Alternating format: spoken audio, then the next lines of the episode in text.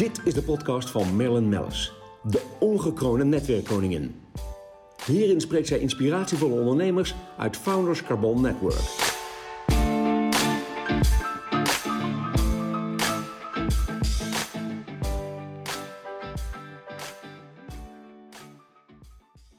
Deze podcast wordt mede mogelijk gemaakt door Euromate. Een heerlijke, mistige ochtend. En wie zit er voor me? Martijn Aslander. Oh, ik heb me zo verheugd om uh, met jou een podcast op te nemen. Um, ik had, zat te denken, zijn podcasts van 15 minuten of een half uur. En met jou kan ik uh, 1500 uur vullen. Maar we gaan gewoon heerlijk starten lopen. Maar wie ben jij? Nou, dat ga ik alvast vertellen aan de luisteraars. Um, technologie, filosoof. Je bent auteur, je bent spreker. Uh, je bent een visionair. Je bent een inspirator.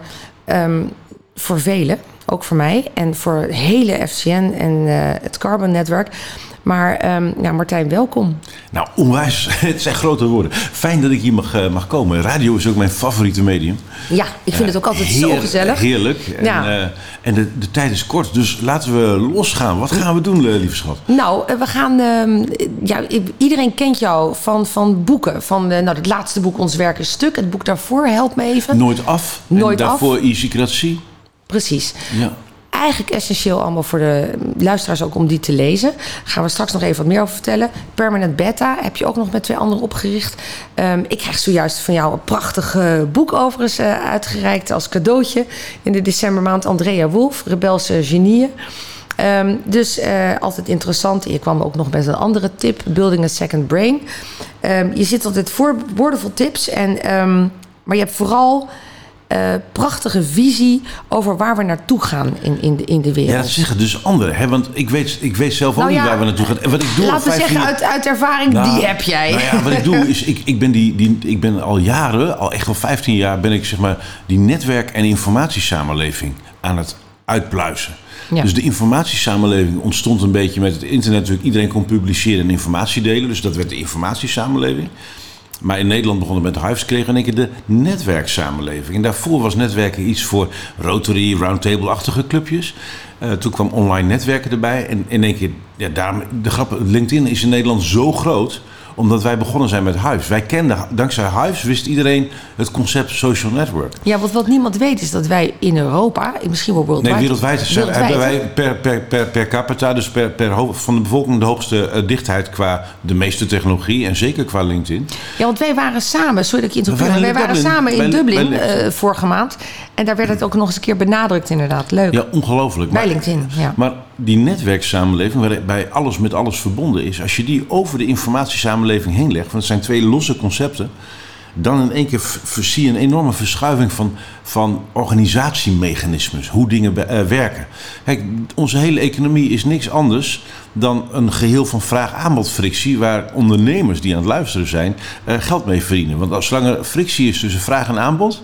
Ja ben je spek kopen. Daar zijn wij als Nederlanders hartstikke goed in en zeker deze luisteraars. Maar, maar wat je in ogenschouw moet nemen is dat die netwerk- en informatiesamenleving een deel van de regels van het spel steeds opnieuw aan het veranderen is. Er zijn nieuwe krachten bijgekomen. Um, ik weet nog dat er een eenling was in de Oekraïne. En die had in uh, uh, 2009 had hij een appje gemaakt. En uh, net daarvoor hadden alle pensioenfondsen in Nederland bedacht... God, er is zoveel te verdienen met sms-verkeer, miljarden winst. We gaan allemaal pensioengeld uh, investeren in telecomfonds. Toen was een student in de Oekraïne zonder diploma's, 21 jaar, Jan Koem... die maakte een appje in de App Store waarmee je gratis kon appen. En al die Nederlanders dachten, gratis? Wat? Geef hier. Dat heette WhatsApp. Ja. En op het moment dat jij, lieve luisteraar, WhatsApp bent gaan downloaden heb je een deel van je eigen pensioenmiljarden laten verdampen. Vertel. Want ja, die telecomfondsen hadden geen miljardenwinst meer uh, nee. dankzij sms-verkeer. Nou, deze dynamiek. Oh my god, op die fiets. Deze, ja, heerlijk. deze dynamiek, ja. die vind ik leuk om te bestuderen. En uh, dat betekent, uh, um, dus aan de, aan de marktkant is de frictie tussen vraag en aanbod kleiner aan het worden en de dynamiek eromheen verandert. Maar in de samenleving doen we niet het spelletje economie, doen we vraagstuk oplossing, want daar hebben we de overheid voor. Ja. En ook daar is de dynamiek totaal aan het veranderen. Uh, want ja, we hebben nog nooit zoveel informatie tot onze beschikking gehad. Dus aan alle kanten piept en kraakt het systeem. Dat weet ook iedereen. En uiteindelijk draait het allemaal om macht en een herverdeling van hoe macht werkt. En als je alleen maar door de financiële lens naar dit vraagstuk kijkt, ja, dan ga je hem niet pakken. Nou, hoe dat werkt, dat weet niemand precies. Maar ik bestudeer dat al 15 jaar en dat vind ik te gek. Ja, want je, had het, je hebt het over macht, hè? Ja. Um, heel grappig trouwens. Ik sprak gisteren nog iemand die zei: Goh, binnen ons netwerk, Founders Karma Netwerk, wat heb jij een macht? Of, uh, ik zei nee, het is machtig wat wij doen met je hebt elkaar. Toegang, nou, je hebt toegang. En die toegang, die, die, geeft je een, die geeft je een machtspositie. Precies. Maar die is ook niet oneindig. Want ja, je kunt niet iets afdwingen, je kunt iets ja. helpen veroorzaken. Maar Precies. goed, dat, dat snappen ja. alle luisteraars natuurlijk ja. prima. Ja, want er zijn natuurlijk duizend topics die, die ik met jou kan bespreken. Um, maar er veranderen ook heel veel spelregels, onder andere die van het werken spelregels van Ja, en dat is iets Ja. wat, wat, wat ik het meest fascinerend vind op dit moment. Dus in het boek Easycratie schreef ik met Erwin Witteveen... schreef ik dat, eh, ehm, eh, ja, dat die technologie ervoor zorgt... dat we een volgende stap zetten in de evolutie van eh bureaucratieën. Dus ik heb waargenomen dat alle grote vraagstukken in onze tijd... eigenlijk in de kern bureaucratisch van aard zijn. Ja, daar is ook iedereen het redelijk over eens. Eh, dus in easycratie verkennen we, goh, hoe zou een wereld eruit kunnen zien waarbij het easycratisch is in plaats van bureaucratisch? ja. Daarna schreef ik met Erwin eh, een paar jaar later het boek Nooit Af. Over het gegeven dat door die netwerk- en informatiesamenleving ontwikkelingen nu zo hard gaan. dat permanente plannen maken niet zin heeft. Want je moet doorlopend itereren. En je moet ook nog meerdere scenario's tegelijkertijd eh, bij de hand houden. Nou, dat is veel te complex voor veel mensen. En dat was allemaal klaar. Ik had wat documentaires gemaakt samen met de, de, de KNVI, de Koninklijke Nederlandse Vereniging van Informatieprofessionals. En toen dacht ik van joh, maar er is, er is nog wat anders aan de hand in, in de wereld van werk. Ja, En dan heb ik het over de mensen die meer dan vijf uur per dag naar een beeldscherm kijken voor hun werk. En dan heb ik het over je laptop, je desktop, je tablet en je smartphone. En daar gaan echt dingen mis. En, en daar heb ik studie van gemaakt. Ik heb met Arjan Broer en Mark Meijnema een boek over geschreven. Dat heet Ons Werk is Stuk.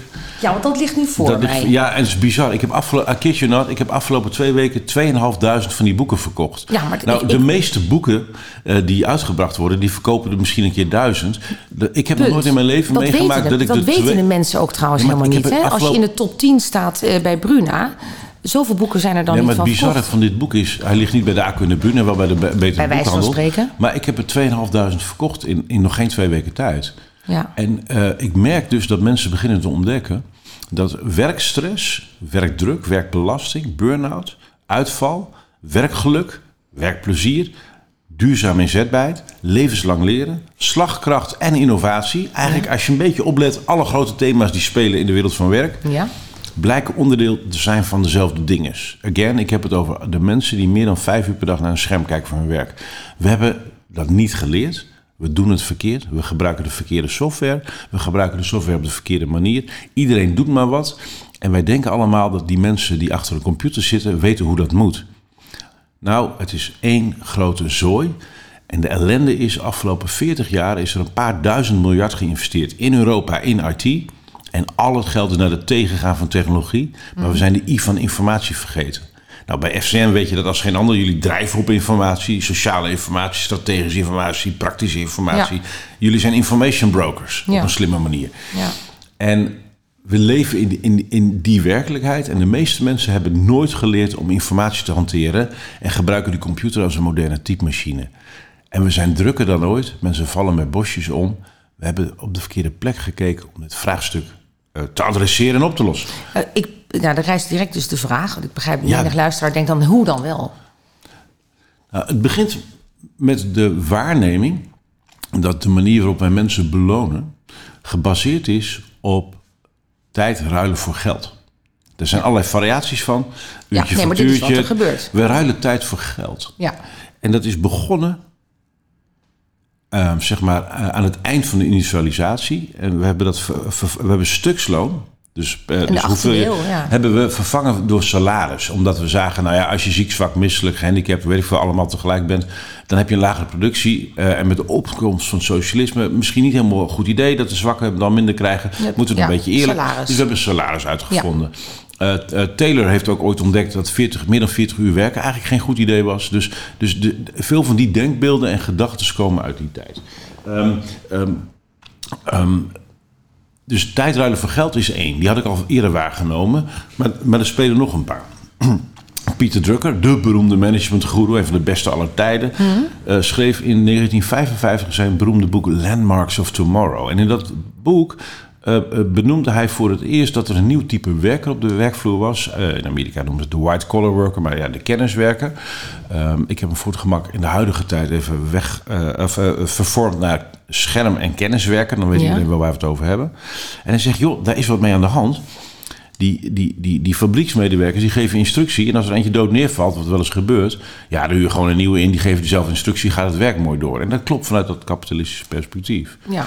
Zeg maar, die, die, die, die nieuwe lui, die met hun hoofd werken. Ja, als die door dood neervallen, heb je mooi een probleem. Want die kun je geen instructie geven over hoe je een beleidsplan maakt. Of hoe je een communicatiestrategie schrijft. Dus, want, want ja, wat er in die bovenkamer van die lui gebeurt. Ja, daar kom je niet achter. Dat is maar goed ook natuurlijk. Ehm, dus les 1 bij die lui. Bemoei je niet met hoe zij hun werk doen. Oké. Dit heeft Mathieu Weggeman, hoogleraar Nijenrode, nog uitvoerig beschreven tien jaar geleden in zijn boek Leiding geven aan professionals niet doen. Bemoei je niet met hoe een kenniswerker werkt.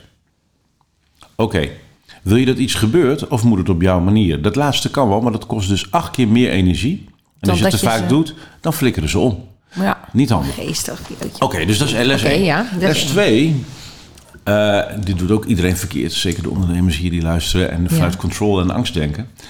Ja, Ehm, control en angst. Ja, maar dat, is- dat, dat is een groot ding. ik Ehm, herken dit ook zelf. ja, want Ja. eh, wat Pieter Drucker nog daarnaast zei, en daar hebben we blijkbaar niet goed naar geluisterd, is: goh, werk bestaat eigenlijk uit workflow en work execution.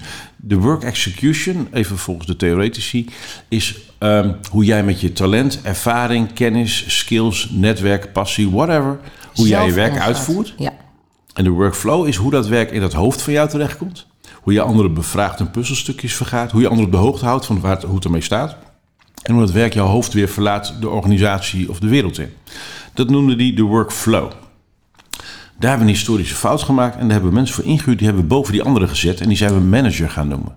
Maar je moet mensen dus niet managen. Wel in een fabriek, niet in andere omgevingen. Ehm, je moet eh, ze uitdagen, inspireren, faciliteren. Druim de oren schop onder de kont. Niet te vaak, gaan ze weg. En terecht. Je moet, ze, eh, je moet de workflow managen. Nou, dan heb je ook nog people managers. Dat zijn de ergste. Die komen er ook openlijk voor uit dat ze een ander deel af van het werk af zitten te houden. Ja. Dus, dus, we, dus de manier waarop we werk georganiseerd hebben, is eigenlijk een jaren 50 manier van werken die we nog steeds hanteren. In mind you 2022. Ja, oké, we zijn dus gewoon En toen dus kregen we een nieuw dik probleem 70 erbij. jaar verder.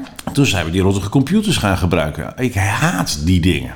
Ja. Ja, ik, moet, ik heb ermee te maken. Ik, ik, ik, ik moet, als ik ermee mag pielen, privé, een beetje klooien, vind ik geweldig. Vind ik leuk. Ja. leuk. Moet ik er iets mee? Heb ik geen zin meer. Waar zit hem dat in? Ehm, de software die wij tot op de dag van vandaag gebruiken, eh, is gebaseerd op de jaren 70 kantooromgeving uit, eh, uit Silicon Valley. Eh, in de jaren 70 had je een prullenbak, daarom heb jij nu ook een prullenbak op de computer. De, de, de perforator hebben ze niet naar het beeldscherm gebracht, ook de nietmachine niet, ook de koffie natuurlijk niet. maar wel al die A4'tjes, die staan en liggende A4'tjes. Ja. En toen werd het wat te druk op de computer. Dan hebben ze ook de ordner en de archiefkasten neergezet. En tot op de dag van vandaag zijn wij staande en liggende A4'tjes in, eh, in ordners en archiefkasten aan het stoppen. Ja. Alleen die heten nu map, submap en eh, doc, pdf, xls en ppt. Ja. Mind you, dit is een jaren 70 concept dat hoe- we toepassen in 2022. Hang on. Hang on, precies.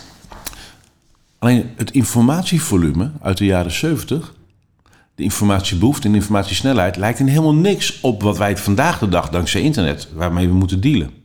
Dus al die mensen die nu omvallen, al die mensen die overbelast zijn, wij, wij zijn niet in staat om op een gezonde manier met alle prikkels en alle informatie om te gaan. Want niemand heeft ons dat ooit geleerd. En de software die we nodig hebben om dat goed te kunnen hanteren, is eigenlijk gebaseerd op een volume wat honderd of duizend keer lager ligt. Dus die document-centric software, Lotus of eh, eh, Office, ja, eh. Google Docs en Spreadsheet, zijn allemaal gebaseerd op het concept document. Maar hallo, we hebben de meest krachtige technologie in onze broekzak. Dus het is alsof wij in de jaren 70 een waanzinnige sportauto gekocht hebben. En daar in de jaren 80 10 paarden voor gezet hebben. In de jaren 90 nog 10 paarden erbij. In de jaren erom. 2000 hebben we die dingen uh, hoefijzer gegeven. Ja. Daarna een aerodynamisch pak. Toen hebben we vorig jaar een zweep gekocht. Maar niemand heeft het contactsleuteltje omgedraaid. En dit is hoe wij met technologie omgaan. En dat blijkt ook, en zal ik even afronden. eh, uit allerlei onderzoeken, uit Harvard geloof ik, blijkt dat, dat de arbeidsproductiviteit ten gevolge van technologie op de werkvloer. ondanks al die investeringen in, ja, in tientallen jaren tijd maar 1,3% gestegen is. En ik doe hier onderzoek naar. Ik zit elke dag op allerlei werkvloeren, eh, overheid, bedrijven. Iedereen loopt maar wat klooien en te kutten en ze kunnen er helemaal niks van. Het is één grote bende. Dus, Jezus. Nou, dat heb ik ontdekt. Dat Ja. willen mensen natuurlijk niet horen. Nou ja, Eh, ik denk dat, ik bedoel, iedereen voelt dat, dat er wat moet Ja, gaan gebeuren. En iedereen voelt. Ik, eh, sinds, ja, want we hadden het net over de spelregels dus van het werk in het algemeen. Iedereen voelt wat gaat er gebeuren met ook. eh, ja. wat gaat er allemaal veranderen? Ja, maar dan moet je gaan erkennen dat je zelf ook niet kunt. En daar hebben mensen mooi geen zin in. Dus oh, maar daar ben ik de eerste Nee, in. nee maar de, de, de schaamte over niet kunnen omgaan met digitale middelen is zo groot. En een van de grappen van schaamte is natuurlijk... dat als je ergens voor schaamt... Ja, een van de kernelementen van schaamte is dat je niet heel vocaal bent... in uiten waar je over schaamt. Dat is een beetje het idee van schaamte. Ja. Nou, en, En dan de angst. En wat de een ander angst, ervan vindt. ja. ja. en daaroverheen hebben we nog een probleem. En dat is dat de lui waar we op vertrouwen altijd... Ja, daar moet je niet zijn. HR-mensen houden niet van knopjes. Knopjesmensen, IT'ers, die vinden mensen maar ingewikkeld. En de informatieprofessionals, eh, ja, die zijn timide en ge- gebruiken veel te moeilijke woorden. Dus een soort Bermuda-driehoek tussen de di- disciplines die het zouden moeten kunnen. Ja, want jij. Want Ja. ja. ja, want. En dan ga ik nu eh, door naar de spelregels op de werkvloer. Die moeten veranderen, dus. Ja, even de harde cijfers. Je bent Ja. gemiddeld, eh, eh, j- jullie niet hoor, lieve luisteraar, maar wel al jullie collega's en al jullie personeel. Je bent gemiddeld, als je vijf uur per, eh, per dag naar een beeldscherm kijkt of langer voor je werk, ben je per jaar 240 uur kwijt aan zoeken. 240. 240 uur kwijt met zoeken. Je bent 40 dagen per jaar aan het compenseren van wat je vergeten bent, waardoor je dingen opnieuw doet.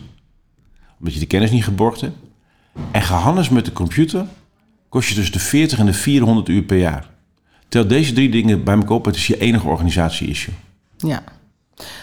Hoe gaan we dit verbeteren? Nou, ik heb niet dé oplossing. Eh, wat ik wel zie is dat meer Office 365 er tegenaan flikkeren het probleem niet oplost. Hoe geweldig het pakket ook is, want het is een geweldig Ja. pakket. Alleen, we hebben niet geleerd met informatie om te gaan. Dus iedereen heeft het tegenwoordig over mediawijsheid en digitale geletterdheid. Ja, allemaal leuk en aardig, maar het begint bij informatiegeletterdheid. Waar laat ik die shit? Hoe kan ik hem terugvinden? Ja.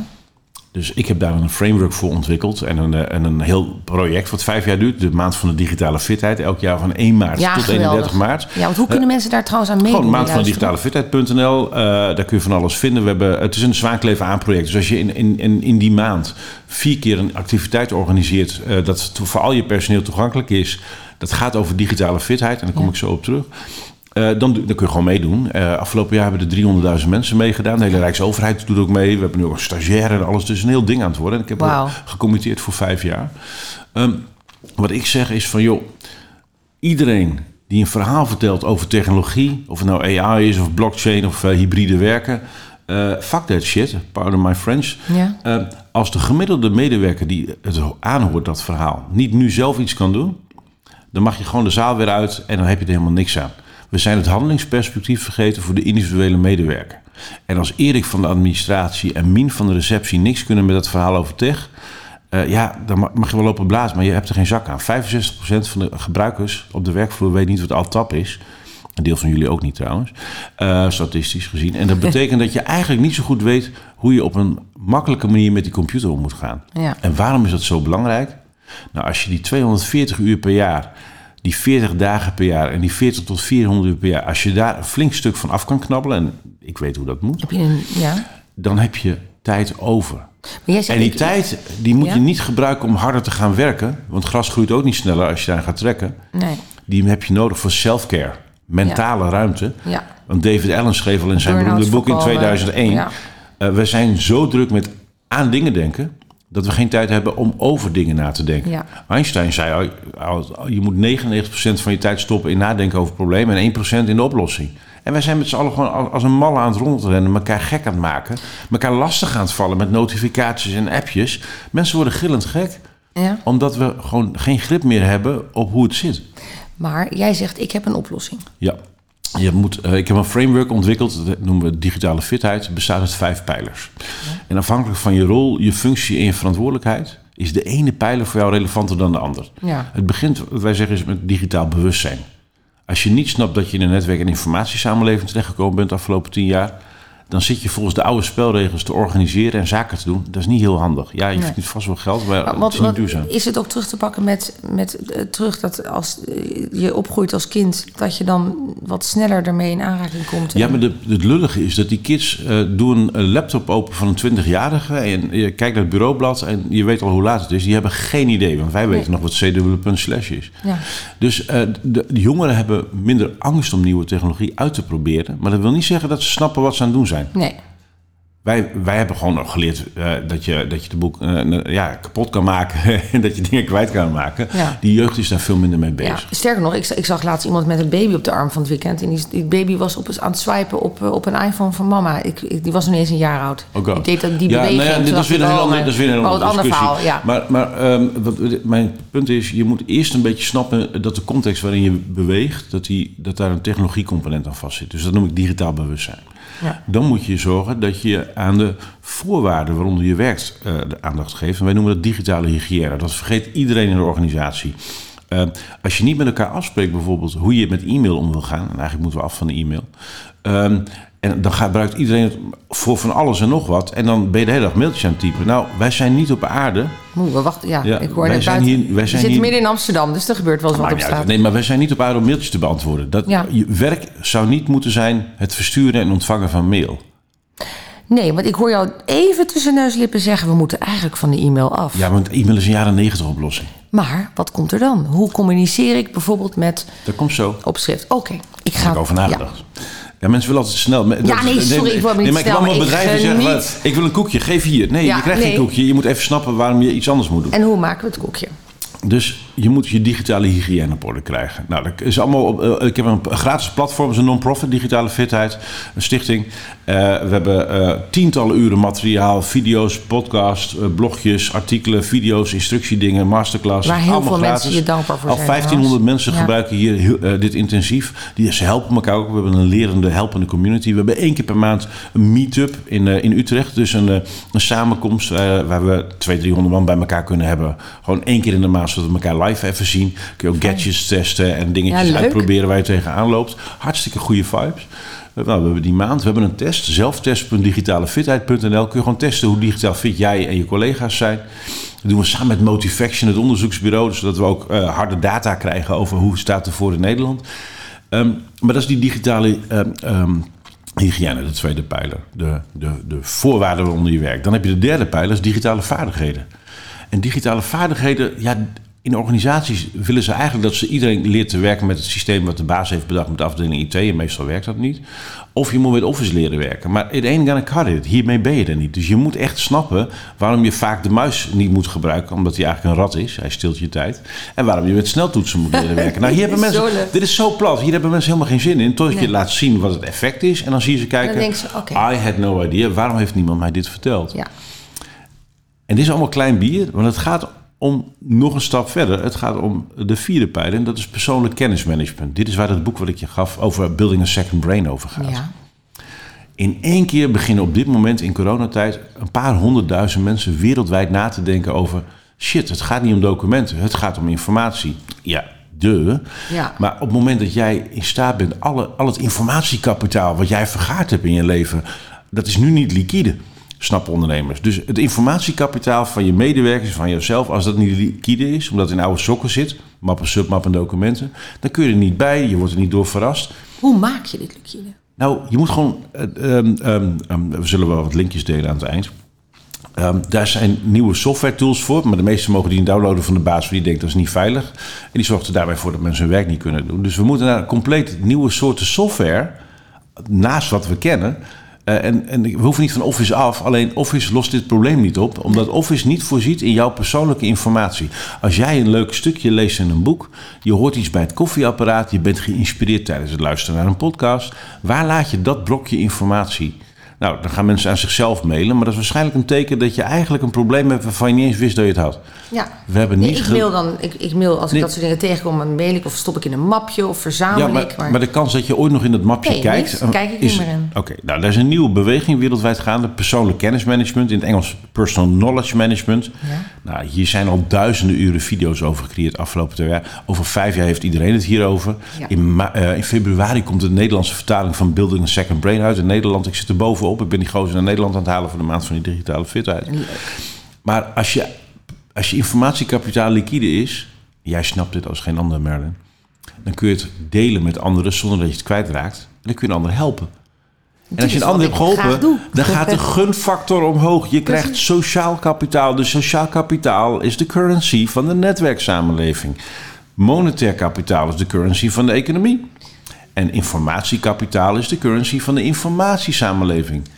Wat ik al twintig jaar doe, is informatiekapitaal vergaren, dat weggeven, zodat ik sociaal kapitaal krijg, wat me meer informatie oplevert. En daarom zit ik nu hier aan tafel. Ja. Dus ik, ben, ik zet al mijn monetair kapitaal niet om in bitcoins, maar in informatiekapitaal.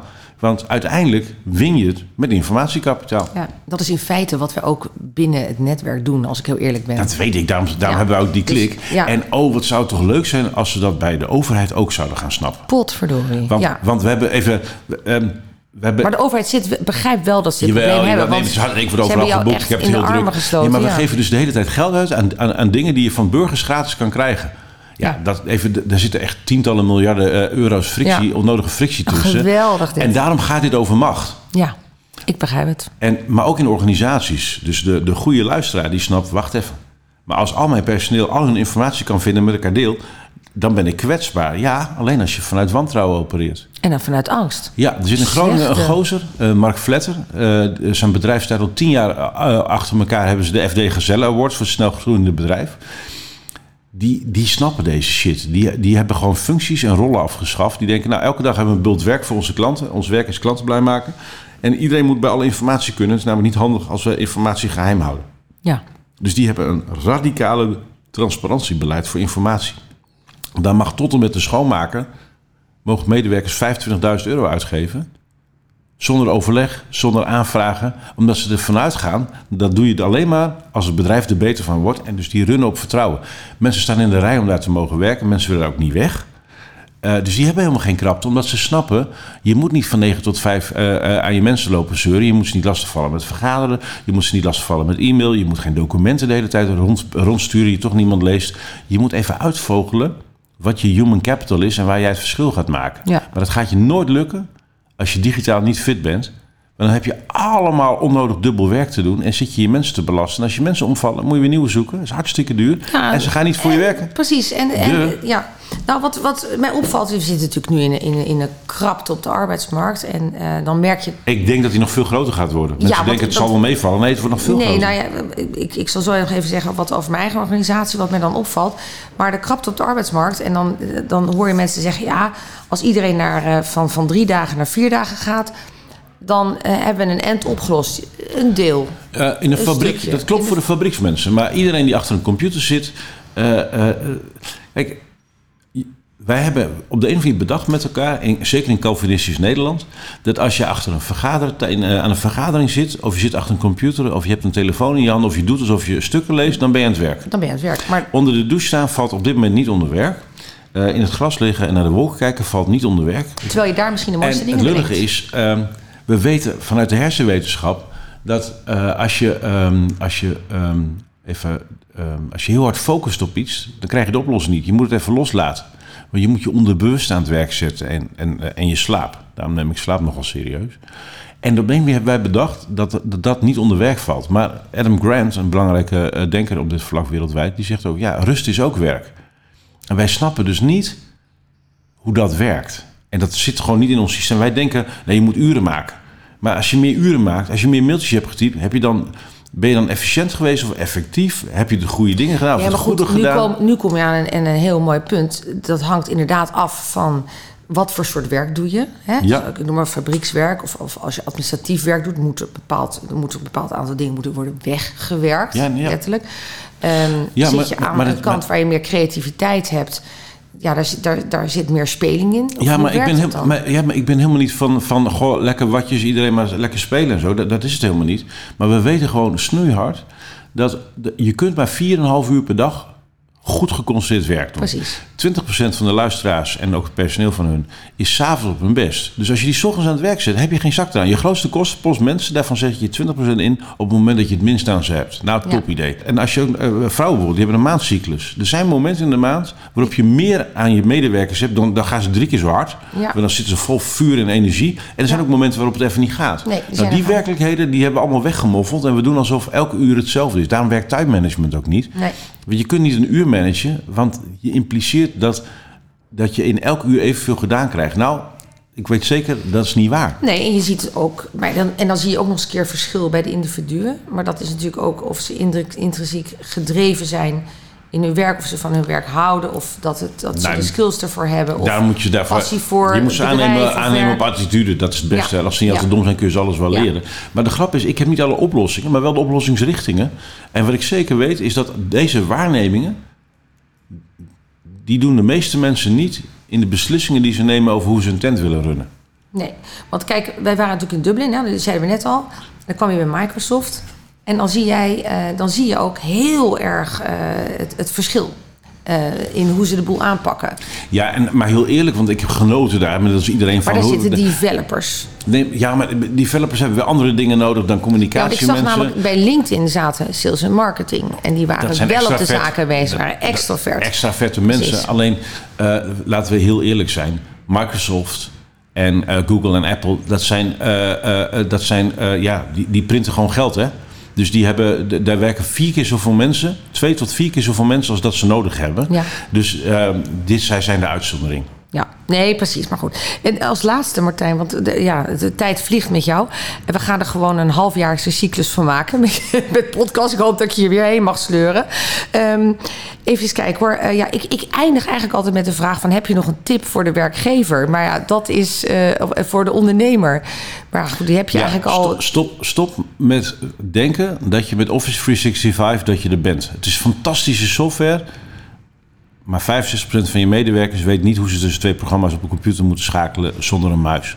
Ja, Als je dat niet eerst oplost, heeft de rest geen zin. En ehm, jij wilde nog wat linkjes delen of wat, wat facts delen. Ik We zetten dat natuurlijk ook even op, op LinkedIn. Ik, st- ik In mijn LinkedIn-bericht Ik stuur staan jou ook een linkje linkjes. zometeen. Dat stop je Ja. eh, bij de show notes van deze podcast. En dan Mooi. hebben ze een beginnetje. Ah, ja? Hartstikke leuk beginnetje. Ehm, dan ja, eh, nog even herhalen. Ons werk is stuk. Nou, ik heb het gelezen. Geweldig boek. Maar ehm, kan ik iedereen aanraden. Wat je nu hebt geschreven. Maar eigenlijk al je boeken zijn, zijn fantastisch. Eh, het laatste boek is wel heel actueel uiteraard. Eh, Zo, zo werkt Ja, dat. ik ben meestal te vroeg met de boeken. Maar deze is raker. eh, Nee, deze meer raakt deze- rechtstreeks, ja. ja, het is nu aan de hand. Dus nou ja, dank je wel voor je komst. Ik heb, serieus, ik heb echt haast niks willen zeggen. Ik denk, ik hang aan je lippen. Ik vind het altijd zo interessant wat je vertelt. Je bent op 4 april ben je te gast Ja, bij ons op ons Leuk. congres als spreker. Ja. Eh, überhaupt spreek je veel. Je wordt ook vaak door bedrijven ingehuurd. Maar ik begrijp dit ook. Is, al- is het voor, voor de klanten, voor, voor het personeel? Ehm, eh, ja, ik kan het ten zeerste aanraden. Het is altijd een verrassing. Een grote of kleine... Ja. En het gaat dus niet eh, over productiviteit. Hè? I couldn't care Nee. less. Mentale ruimte en slagkracht. Ja, daar dan, dan sloop je Ja. die factor tijd eruit. Ja, nou ja, je motiveert, eh, eh, Martijn. Dat is eh, één ding wat zeker is. Uh, Dank je wel voor je komst. Ja, thanks for having me. En, eh, Tot snel. leuk, dankjewel. Ja. Deze podcast werd mede mogelijk gemaakt door Euromate.